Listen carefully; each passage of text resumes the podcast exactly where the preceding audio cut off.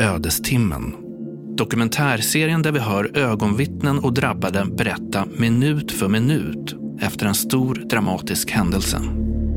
Och jag minns bara att jag springer liksom ner för en, för en backe egentligen så hör man ett, som ett tåg som är på väg emot den. Annandag jul 2004 svepte den kraftiga tsunamin in mot flera länder i Sydostasien. Det är ofattbara krafter, som en mycket kraftig atombomb. Vi ska gå riktigt nära tidpunkten för när flodvågorna kommer. Vi ska försöka förstå vad som gjorde att det var så ofantligt svårt att hinna i skydd. Vad är det? Vad är det? Det såg ut som att det rest sig klippor eller land på något sätt. Så det såg inte ut som en våg. Kom, vi måste! Vi måste väck! Och då fattar man ju att det här är någonting som inte stämmer. Men vid här, den här tidpunkten är det redan för sent. När den stora vågen slår till 2004 är det mycket få människor som ens har hört ordet tsunami. De varningstecken som naturen ger är därför nästan ingen som lyckas tolka förrän det är för sent. De länder som drabbades värst var Thailand, Indonesien och Sri Lanka. Det här var också en av de största katastroferna som drabbat svenska medborgare. 543 svenskar miste livet i tsunamin. De flesta av dem var turister som besökte semesterorten Khao Lak på Thailands västkust. Det ligger precis vid havet, en helt gudomlig sandstrand, långgrunt. Ödestimmen börjar den 26 december 2004 klockan 10. Det går en liten flod genom området som eh, en liten bro som man går över när man går till, till sina bungalows. Jag heter Erik Roll och reporter i det här avsnittet är Olivia Sandell. Arne Bevrin är här tillsammans med sin familj. Hustrun Annika och deras två döttrar, Hanna snart sex år och Julia nio och ett halvt. Familjen har firat jul här i Kaulak och idag är det annandagen. Arne har försökt att få till lite sovmorgon under juldagarna men just den här morgonen var det inte barnen som väckte honom tidigt utan Annika. Hon säger att det är någon som knackar på dörren. Och jag, jag, så jag går upp och frågar om det är någon utanför dörren men nej, det är ingen som svarar. Och sen så tar jag, bara, jag tar en så här badtoffel och stoppar in under dörren så att den inte, för den stod och skallra. Det var det, det var ingen knackning utan den stod och skallra. Det är något litet jordskalv eller någonting sånt. Så jag, och gick och la mig igen. Och Annika tyckte att det, det känns som att sängen skakar. Så Nej, jag känner ingenting, så jag. Skakningarna som Annika känt, det första tecknet på att det här inte ska bli en normal dag, var inget som någon i familjen fäste någon vikt vid. Samtidigt på stranden har många redan slagit sig ner på handdukar och i solstolar. Det var en absolut fantastisk dag med klarblå himmel och alldeles vindstilla. En av dem är Ann Hageus som även hon åkt till Thailand över jul tillsammans med sin familj. Hennes man Bertil och deras tre barn. Julius 11, Gösta 9 och Karin 4. Ann ligger och får en massage på stranden medan barnen leker bredvid henne. Bertil har blivit sjuk och ligger på hotellrummet och vilar.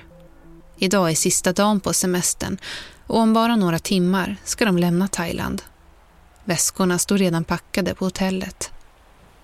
Fyraåriga Karin leker nu på stranden, klädd i favoritklänningen. Nästan det enda plagg hon vill bära. Och eh, den kallade Karin för kungaklänningen. För den var gul och det, det, var, ja, men det var hennes favoritklänning.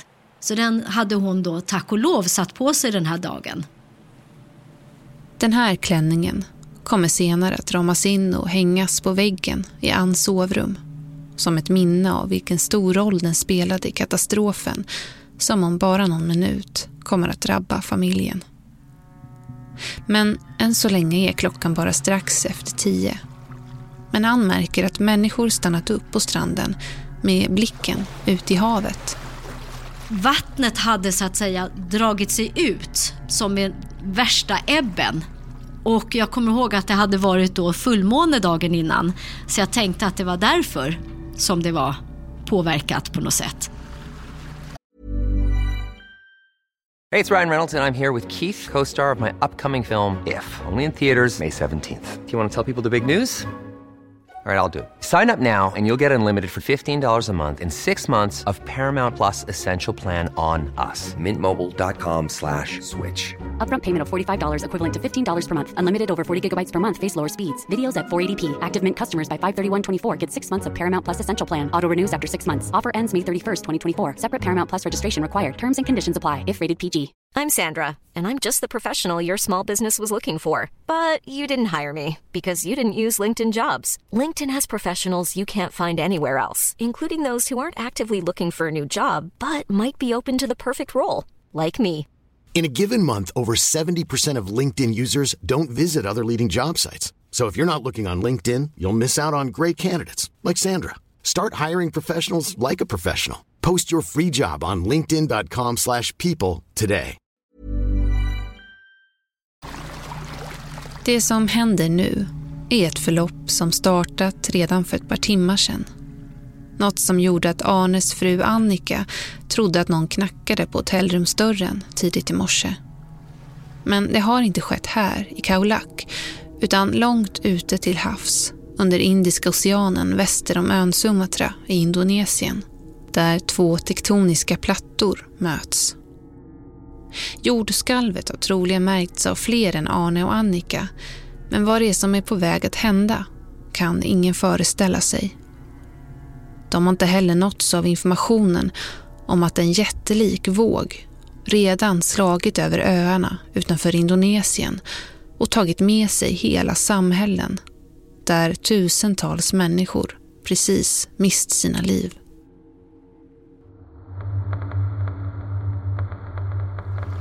Klockan är nu 10.10 10 och på stranden står turister och ser fascinerat på hur havet beter sig märkligt.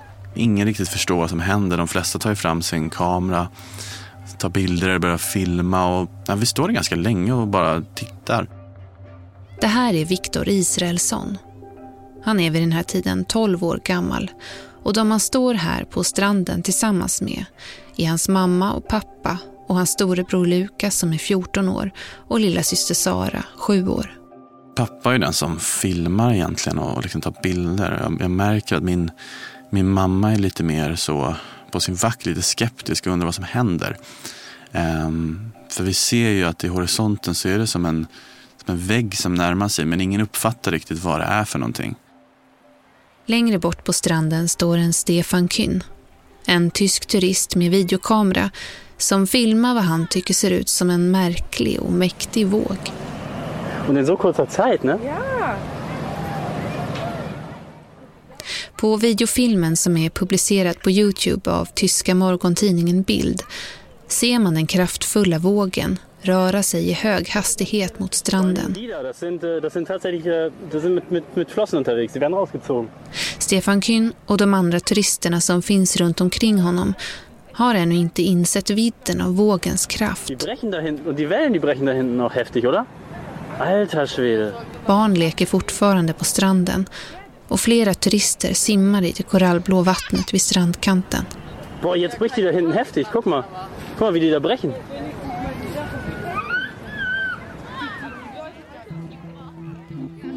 Hon som masserade mig slutade massera och eh, började prata med sina kollegor väldigt snabbt och lite upphetsat sådär. Så att jag satte mig upp och liksom, vad, vad är det som händer? Även Ann ser, från sitt ställe på stranden, något långt borta i horisonten. Det var liksom beigebrunt-aktigt så det såg inte ut som en våg så att säga. För en våg kan man tänka sig har ju vattnets färg. Men det här var ju mer jordaktigt så det såg ut som att det långt hade rest sig eh, klippor eller land på något sätt. Och då, då började folk, det började bli lite oro och jag sa då till Julius och Gösta att ja men spring efter pappa och hämta kameran. Det här kan vara liksom lite spännande att filma, eller filmkameran. Barnen springer upp till Bertil som ligger på hotellrummet och vilar och berättar att en våg är på väg som de vill fånga på film. Men Bertil anar oråd. Och eh, han då som en gammal seglare tyckte att det där lät lite konstigt. och han tittar ut genom fönstret och ser då långt ute så ligger det ju två stora militärbåtar som visar sig tillhöra kungafamiljen tror jag. Så han ser hur de liksom vågen kommer ikapp dem och de liksom reser sig upp och bara liksom dyker ner. Klockan är 10.24 och 12-åriga Viktor och hans familj står och tittar på precis samma båtar. Thailands prinsessa bodde vid närliggande hotell så kustbevakningen låg ju utanför, eh, men, ett par hundra meter ut. Och då ser vi hur eh, den här båten då börjar röra sig mot vad vi då inte vet är en våg. Från fönstret i hotellrummet ser Bertil hur militärbåtarna kastas upp och försvinner in i vågen. Och han förstår att det här är inte normalt för det är absolut vindstilla och det är en klar blå himmel. Och ändå så kommer den här enorma vågen. Längre bort på stranden fortsätter Stefan Kyn att filma den märkliga vågen. Och de båt här, de, de är militära. När vågen översköljer de två större militärbåtarna förstår allt fler på stranden att det är något konstigt med den här vågen. Wasser. Was ist das? Boot ist gekentert da hinten, Schnicki. Das Fischerboot da hinten ist gekentert. Badgäster och lokalbefolkning som varit och arbetat på stranden packar ihop sina saker och springer hastigt upp från stranden. Bertil på hotellrummet förstår också att något farligt är på väg att hända. Så han springer ner och möter oss för vi har liksom börjat dra oss lite grann upp från stranden. Och så, så skriker han bara att, liksom, att vi ska springa. Och då fattar man ju att det här är någonting som inte stämmer. Men vid det här, den här tidpunkten är det redan för sent. Komm, wir müssen los. Wir müssen weg. Nach hinten, komm. Wir müssen nach hinten. På hemmavideon filmad av den tyska turisten Stefan Kyn ser man hur människor nu springer för sina liv. Lass uns los. Ja. Oh, Tsunami. Ja?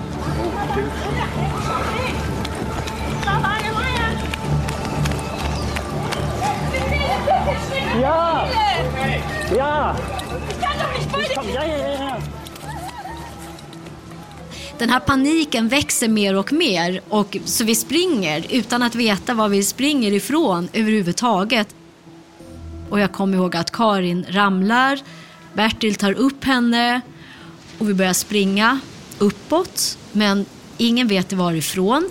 Och nu är vi liksom 100, minst 100 meter, 200, alltså vi är långt upp från stranden.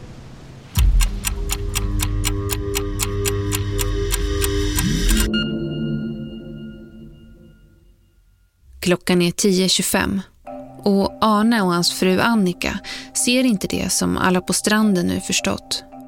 De är upptagna med att förbereda sig för ytterligare en härlig dag på stranden.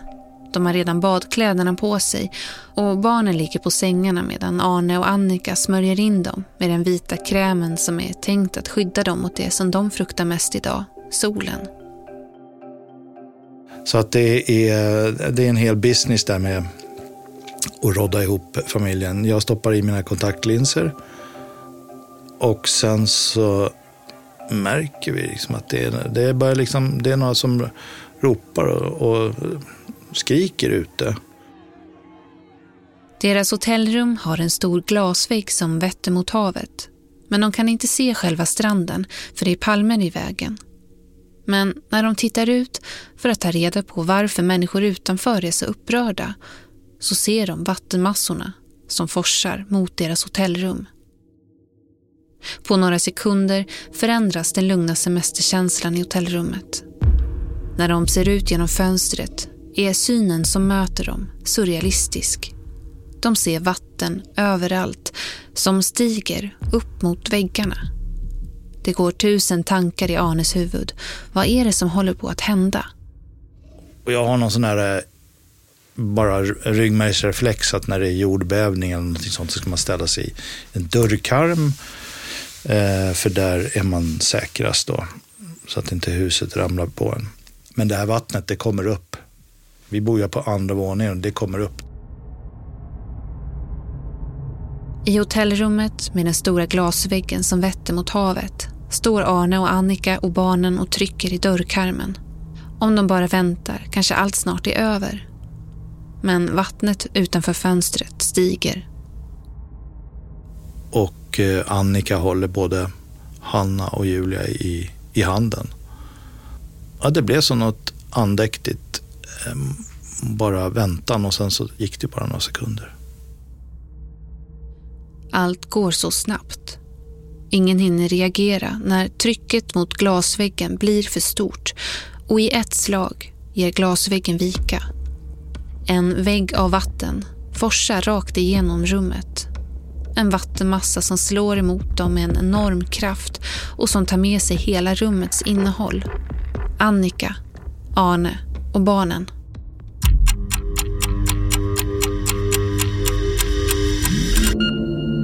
Tio tjugoåtta. I samma stund som vågen fyller Arne och Annikas hotellrum och sveper iväg hela deras familj så springer 12-åriga Viktor tillsammans med sin familj så fort de alla kan bort från stranden. Min mamma tar ju min syster och de springer tillsammans. Eh, eh, sen är det jag, min bror och, och pappa då, som springer. Alla springer på något sätt tillsammans men alla är ju panikslagna och, och jag minns bara att jag springer liksom ner för en, för en backe egentligen så hör man ett, som ett tåg som är på väg emot en.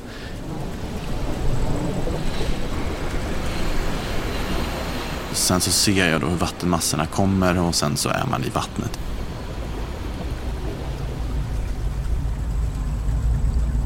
Jag har ingen som helst uppfattning om var min bror är eller var min syster är eller mina föräldrar utan helt plötsligt är man i vattnet och eh, egentligen bara försöker komma över ytan. Ann och hennes familj springer också. Bertil med dottern Karin och framför Ann springer sönerna Julius och Gösta. Ann håller fortfarande i en bok och en strandhandduk medan hon springer. Det är panik. Rädda människor skriker. I farten vänder sig Gösta om mot sin mamma. Han är framför och han liksom tittar på mig liksom så här oroligt. Liksom. Och jag vet, det är typ jag manar på att ja, men fortsätt spring. De har tagit sig en bra bit bort från stranden vid det här laget. Men vet inte om det är tillräckligt. Och folk är omkring oss och det är liksom väldigt, väldigt mycket panik och oro i liksom luften. Och sen vet jag att det kommer en pickupbil och den liksom backar och stannar till för att åka iväg. Och, och, och, jag vet inte, jag får nog infall och säga, ja, men vi hoppar upp på den här, på den här pickuppen. Och, och, och ropar jag väl till Bertil som är på väg. Och, och sen så, så ska jag precis ta tag i kanten och hoppa upp. Och just då, och jag har liksom inget minne, men jag vet bara att jag slås omkull. Så att någonting sliter tag i mig och suger in mig under vattnet. Det är det enda minnet jag har. Och sen hamnar jag under den här bilen. Och så ligger jag där under bilen som då far iväg under vattnet. Och så, så ligger jag där på rygg och sen så bara, nu dör jag. Liksom. Det var bara så kallt konstaterande.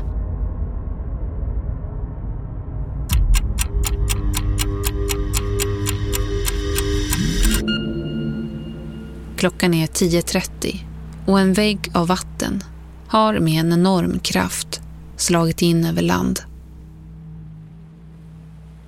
Det är ofattbara krafter. Vattenpelare som kom, kommer in mot land och, och river med sig allt som, som finns. Det här är Reinir Bödvarsson som arbetar som seismolog i sitt jobb undersöker han rörelser i jordskorpan och studerar jordbävningar. Reinir har, trots att det är jullov, skyndat in till sitt kontor i Uppsala. Där kan han se hur mätinstrument gått i taket när jordskalvet ute till havs registrerats. Jämförelse som kommit att närmast i tanken som en mycket kraftig eh, atombomb. Likt tryckvågen från en atombomb som förstör allt i sin väg har vattenvågen slagit mot flera länder och skördat tusentals människoliv.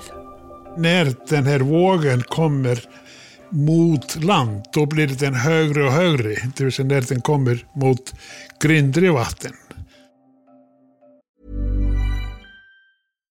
Here's a cool fact. A crocodile can't stick out its tongue. Another cool fact, you can get short-term health insurance for a month or just under a year in some states. United Healthcare short term insurance plans are designed for people who are between jobs, coming off their parents' plan, or turning a side hustle into a full time gig. Underwritten by Golden Rule Insurance Company, they offer flexible, budget friendly coverage with access to a nationwide network of doctors and hospitals. Get more cool facts about United Healthcare short term plans at uh1.com. Hey, it's Ryan Reynolds, and I'm here with Keith, co star of my upcoming film, If, only in theaters, May 17th. Do you want to tell people the big news? All right, I'll do it. Sign up now and you'll get unlimited for $15 a month in six months of Paramount Plus Essential Plan on us. Mintmobile.com slash switch. Upfront payment of $45 equivalent to $15 per month. Unlimited over 40 gigabytes per month. Face lower speeds. Videos at 480p. Active Mint customers by 531.24 get six months of Paramount Plus Essential Plan. Auto renews after six months. Offer ends May 31st, 2024. Separate Paramount Plus registration required. Terms and conditions apply if rated PG. Om du kastar in bråte i en eh, tvättmaskin och så hoppar du in i tvättmaskinen och tycker det på en, en snabb cykel på 15 minuter så kanske man får en uppfattning om hur, hur det var. Halva timmen har passerat. Det har bara gått några få minuter från det att havet låg till synes lugnt och glittrande i solskenet till att det nu dränkt stora delar av Kaulak. Människor kämpar för sina liv i det inferno som tsunamin orsakat. I samma stund som vattenmassorna krossat fönsterväggen i Arnes familjs hotellrum trycks Arne ut genom hotellrummets dörr.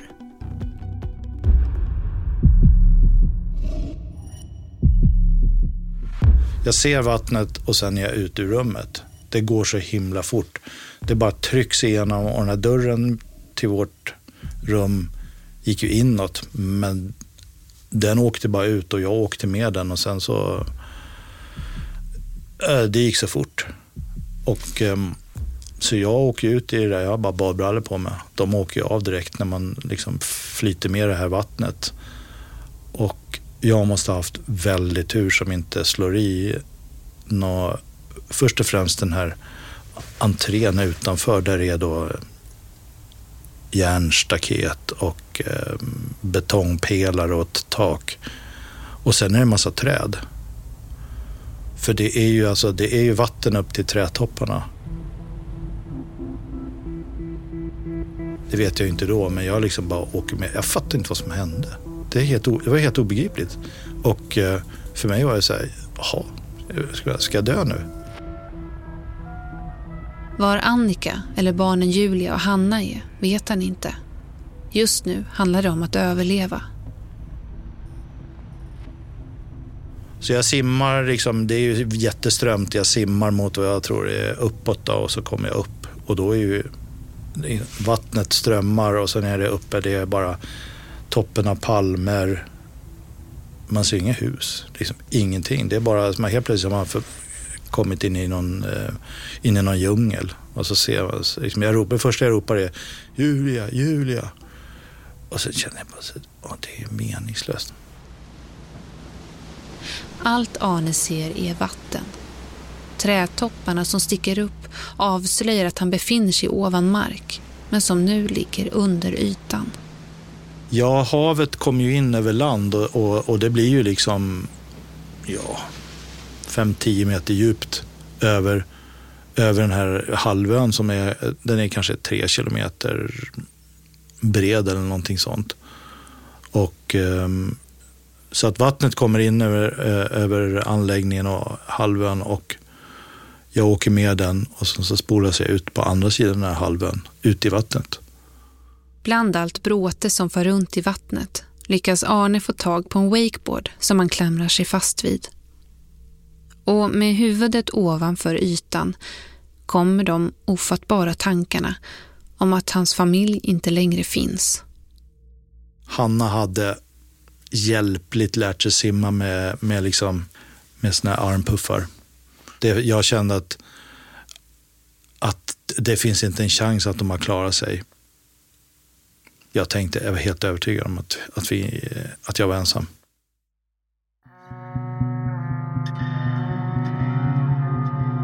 Klockan är 10.35 och även 12-åriga Viktor kämpar för sitt liv i de starka strömmarna. Där och då så man hinner ju inte tänka. Det är bara att man försöker få luft och hålla huvudet över vattenytan men den ena sekunden när du är under ytan, sen så kommer du upp och det är allt ifrån bilar, stängsel, eh, all typ av bråte, tegel, allt du kan tänka dig är ju vattnet. Ehm, för vågens kraft tog ju egentligen med sig allt i sin väg. Ehm, så vid det här tillfället så handlar det bara om att överleva. Allting blir ju liksom instinktivt, reaktivt. Man bara eh, gör vad man kan för att eh, få luft egentligen. Vid ett tillfälle så, eh, så stannar inte vågen upp men jag sköljs upp på en liten sandbädd eller vad man ska säga. Och då ropar jag efter mina föräldrar, jag tror att främst min mamma.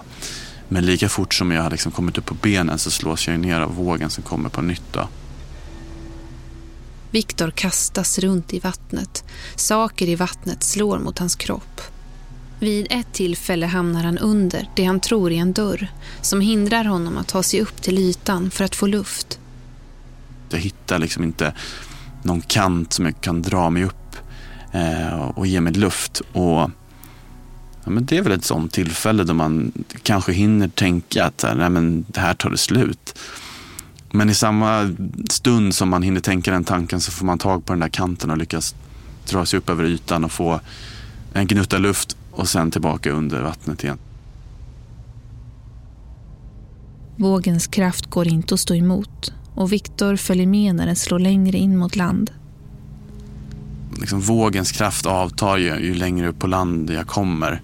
Eh, så till slut så eh, är kraften så pass eh, svag att jag kan flyta med i vattnet som att jag flyter i en fors eller någonting och jag kan hålla mig ovanför vattenytan eh, hela tiden och jag kan luta mig mot någon dörr eller någonting liknande som, som flyter. Och jag ser som bråte som har samlat sig kring ett större träd eh, och jag tar mina sista krafter och, och, och klättrar upp i det här trädet. Och, Eh, jag minns att jag, jag kunde inte gråta heller för att jag hade sådana smärtor av av alla sår och, eh, som, som hade orsakats av allt bråte. Och, eh, såklart, jag hade fullt med vatten i lungorna och det var ju...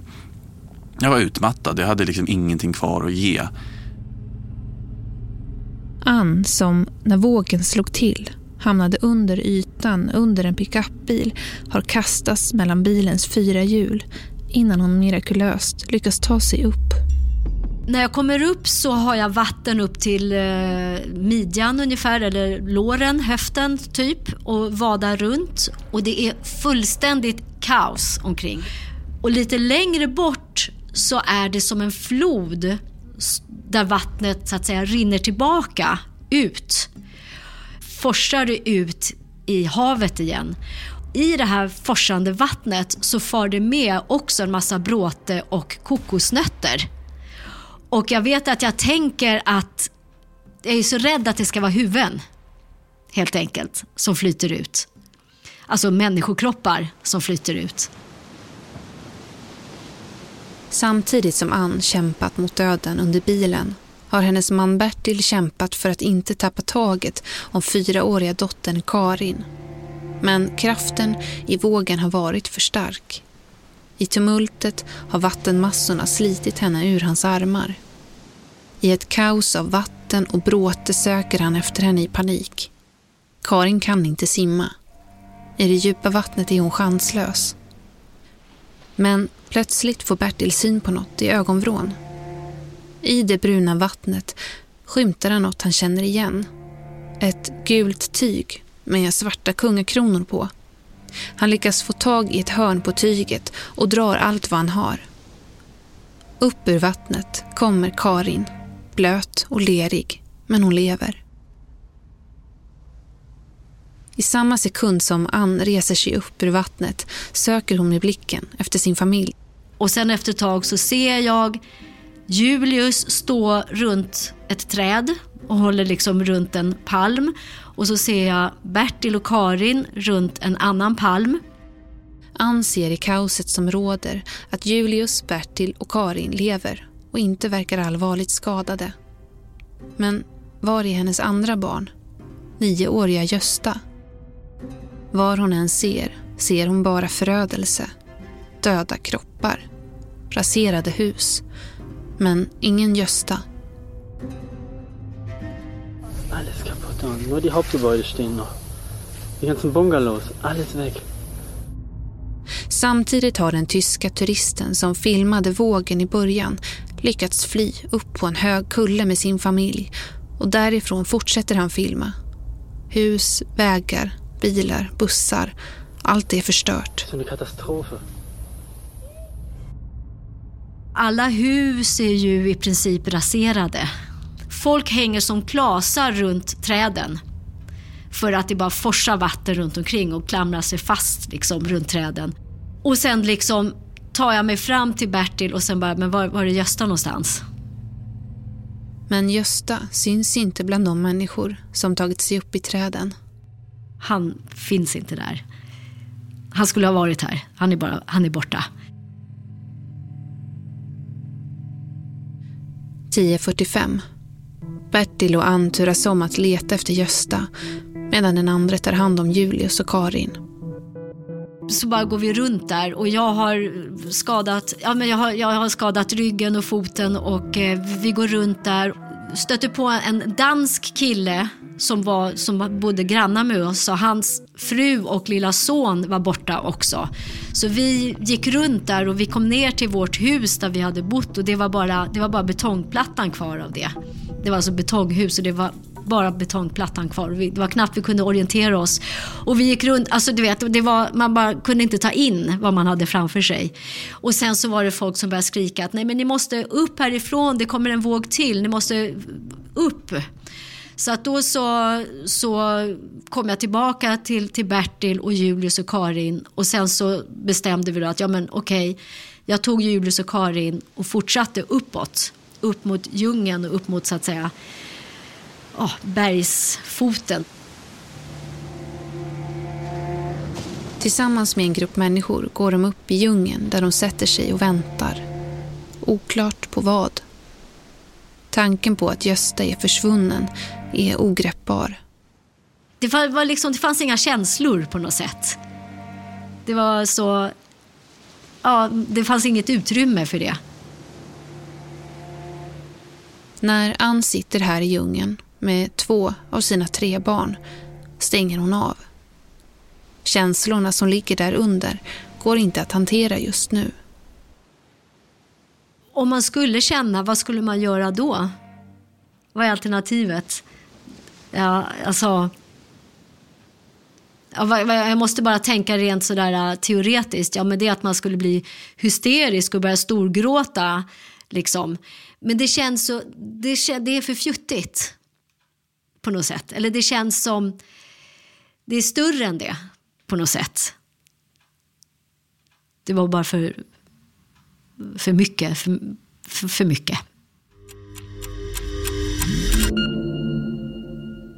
Klockan har rört sig ett varv.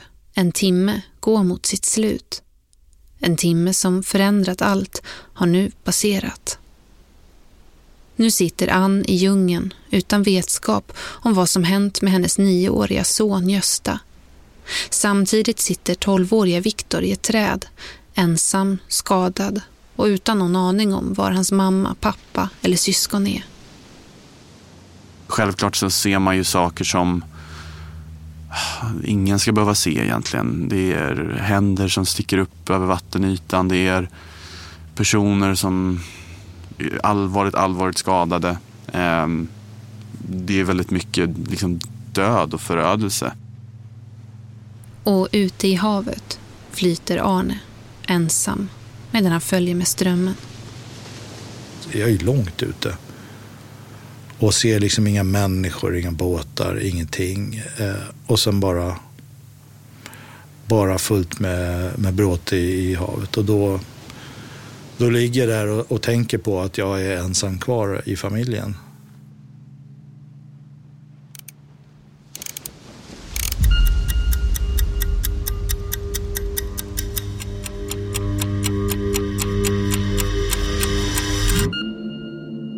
Ödestimmen slutar här. En timme som förändrade livet för miljoner människor. Det här hände sen.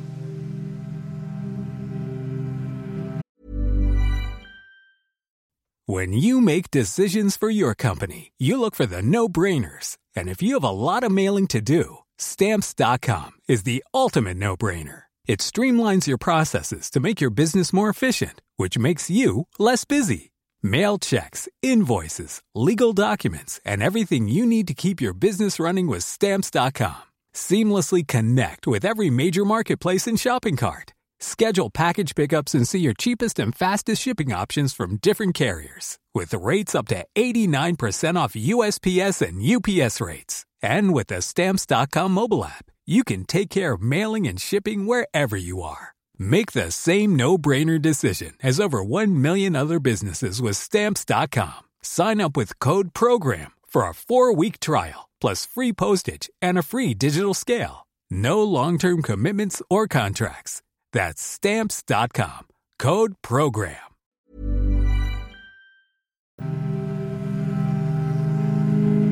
Efter första timmen i Kaulak har de flesta av alla byggnader förstörts. En av de militärbåtar som Ann, Bertil och Viktor såg ute till havs när vågen kom ligger nu på land ett par kilometer upp ovanför stranden. Tolvåriga Viktor klamrar sig fast ensam uppe i ett träd medan vattnet forsar nedanför.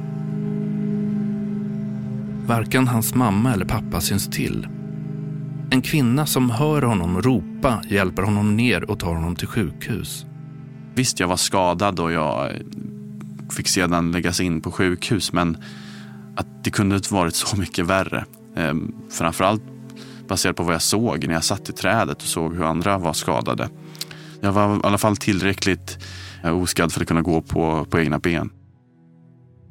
Arne, som ensam drev omkring ute till havs, tog sig till slut i land efter att de värsta vågorna lagt sig. Det var fruktansvärt alltså. Det var helt vedervärdigt när jag väl hade, sen hade kommit till, till sjukhuset och liksom kände att jag var på ett, en säker plats. Uh, jag kunde inte äta. Uh, jag kunde liksom knappt dricka. Jag kunde överhuvudtaget inte tänka mig en framtid på något sätt. När Arne ringer hem till Sverige för att berätta vad som har hänt så ringer han först till sin frus mamma. Hon säger då att en man i Thailand har ringt henne och meddelat att Arnes nioåriga dotter Julia lever och att hon är på något av sjukhusen. Och jag bara liksom ropar eh, rätt ut bara, min, ja, men hon lever, hon lever, min dotter lever. Hela tiden kommer nya siffror över antalet omkomna och skadade efter de jättelika flodvågor som drabbade En halvtimme efter att tsunamin drabbat Kaulak, då går nyhetsbyråerna ut med att jordbävningarna orsakat en tsunami. Men informationen är bristfällig och felaktig. Det rapporteras under första dagen att två svenskar omkommit. Dagen efter kom nyheten att tio svenskar dött. Räddningsarbetet blev också kaosartat. Svenskar i Thailand berättade att de inte fått någon hjälp alls från Sverige. Förödelsen är enorm och turister har flytt till bergstoppar för att komma undan vattnet. Det tillsattes senare en katastrofkommission för att utreda de svenska insatserna under tsunamin. Kommissionen gav den socialdemokratiska regeringen stark kritik för att den reagerat så långsamt med hjälpinsatsen. Utrikesministern Laila Freivalds gick på teater samma kväll som media rapporterade om tsunamikatastrofen. I en intervju förklarade Freivalds att hon inte hade en aning om att så många svenskar brukar åka till Thailand över jul. Tidigare idag kom en grupp svenskar med flyg till Arlanda. Den första grupp som evakuerats från kaoset i Thailand. Flygplan efter flygplan fyllda med skadade människor lyfter från flygplatsen i Bangkok. Många av dem som sitter ombord lämnar landet utan att veta om flera av deras anhöriga lever. Tolvåriga Viktor är en av dem. Och när han kommer hem till Sverige så vet han fortfarande inget om vad som hänt resten av hans familj. Jag kommer ihåg att jag vid flera tillfällen i väntan på att eh, vi skulle få någon information från, eh, från polisen, att jag, jag slog min pappas telefonnummer om och om igen. Eh, som att jag hoppades på att han skulle svara. Eh, säkert hundratals gånger. Eh, och jag gjorde allt det här i smyg också, för jag ville inte att någon skulle se att jag gjorde det. Viktor får hjälp och stöd av släkt och vänner. Och så en dag kommer det ett oväntat besök. Och det är två civilklädda poliser som dyker upp och eh, som i en film liksom, meddelar att ja, men din mamma är identifierad eh, och eh, hon har omkommit. Eh, och jag minns att jag springer ner i, i vårt garage och borrar ner ansiktet i en madrass och skriker. Liksom. Det blev så verkligt då. Eh, det var ju verkligt innan, men det är det här eh, ja, men dödsbeskedet. Det blir så definitivt. Om jag minns rätt så är det ju fyra olika knackningar på dörren från polisen. Eh, där man meddelar att man har identifierat då antingen min bror, min syster, eh, min mamma eller pappa. Det dröjer nog i alla fall eh, februari, det kan vara mars till och med innan vi har fått all, all slutgiltig information om eh, vad som har hänt med dem. Och, och sen var det var jag kvar. Liksom. Ann och hennes man Bertil flyger också hem till Sverige utan att veta vad som hänt med deras son Gösta. Vi levde ju i den här ovissheten i eh, fyra månader. Och sen i maj så hittades Gösta och kom tillbaka då i, maj och kunde begravas. Efter att Arne vårdats en stund på ett sjukhus i Thailand så tar han sig till flygplatsen i Bangkok.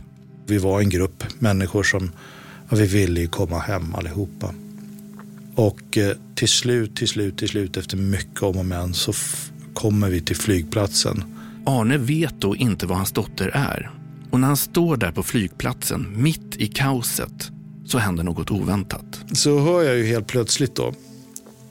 Pappa! Och då är det ju och en röst jag känner igen. Så att jag bara kastar mig över några bänkar där och, och tänker att nu kommer väl säkerhetspersonalen att lägga sig i klunga på mig. Men jag, jag bara sprang bort mot rösten och så, och så får jag se då Julia som sitter i en rullstol. Blåslagen eh, med, konstig frisyr och en familj som, som hjälper henne. Och eh, och jag bara kramar om henne, kramar om henne eh, jättehårt och hon bara, pappa, pappa, jag trodde inte att du hade klarat dig. Så hon visste ju inte att jag hade klarat mig. Så för henne, alltså om jag var förtvivlad så var det ingenting mot vad hon var. Ensam i hela vida världen, inte tio år fyllda. Och eh, jag kunde se på henne hur livet återvände ungefär som det gjorde för mig. Eh, hur hon bara liksom, ah. ja, det, som det var som ett mirakel. Alltså. Det, det går inte att... Det faktum att hon hade klarat sig och sen att, att hon fick reda på att jag hade klarat mig på det där viset. Jag tror inte att en Hollywoodfilm kan toppa det där faktiskt. Det, det var helt makalöst. Jordbävningen i Indiska oceanen som orsakade tsunamin 2004 var en av de våldsammaste som någonsin registrerats. De flesta jordbävningar varar bara i några sekunder. Det här skalvet varade upp till tio minuter. Det var också den dödligaste jordbävningen hittills. Enligt FN krävde katastrofen minst 223 000 människoliv. Någon exakt dödssiffra kommer aldrig att kunna fastställas.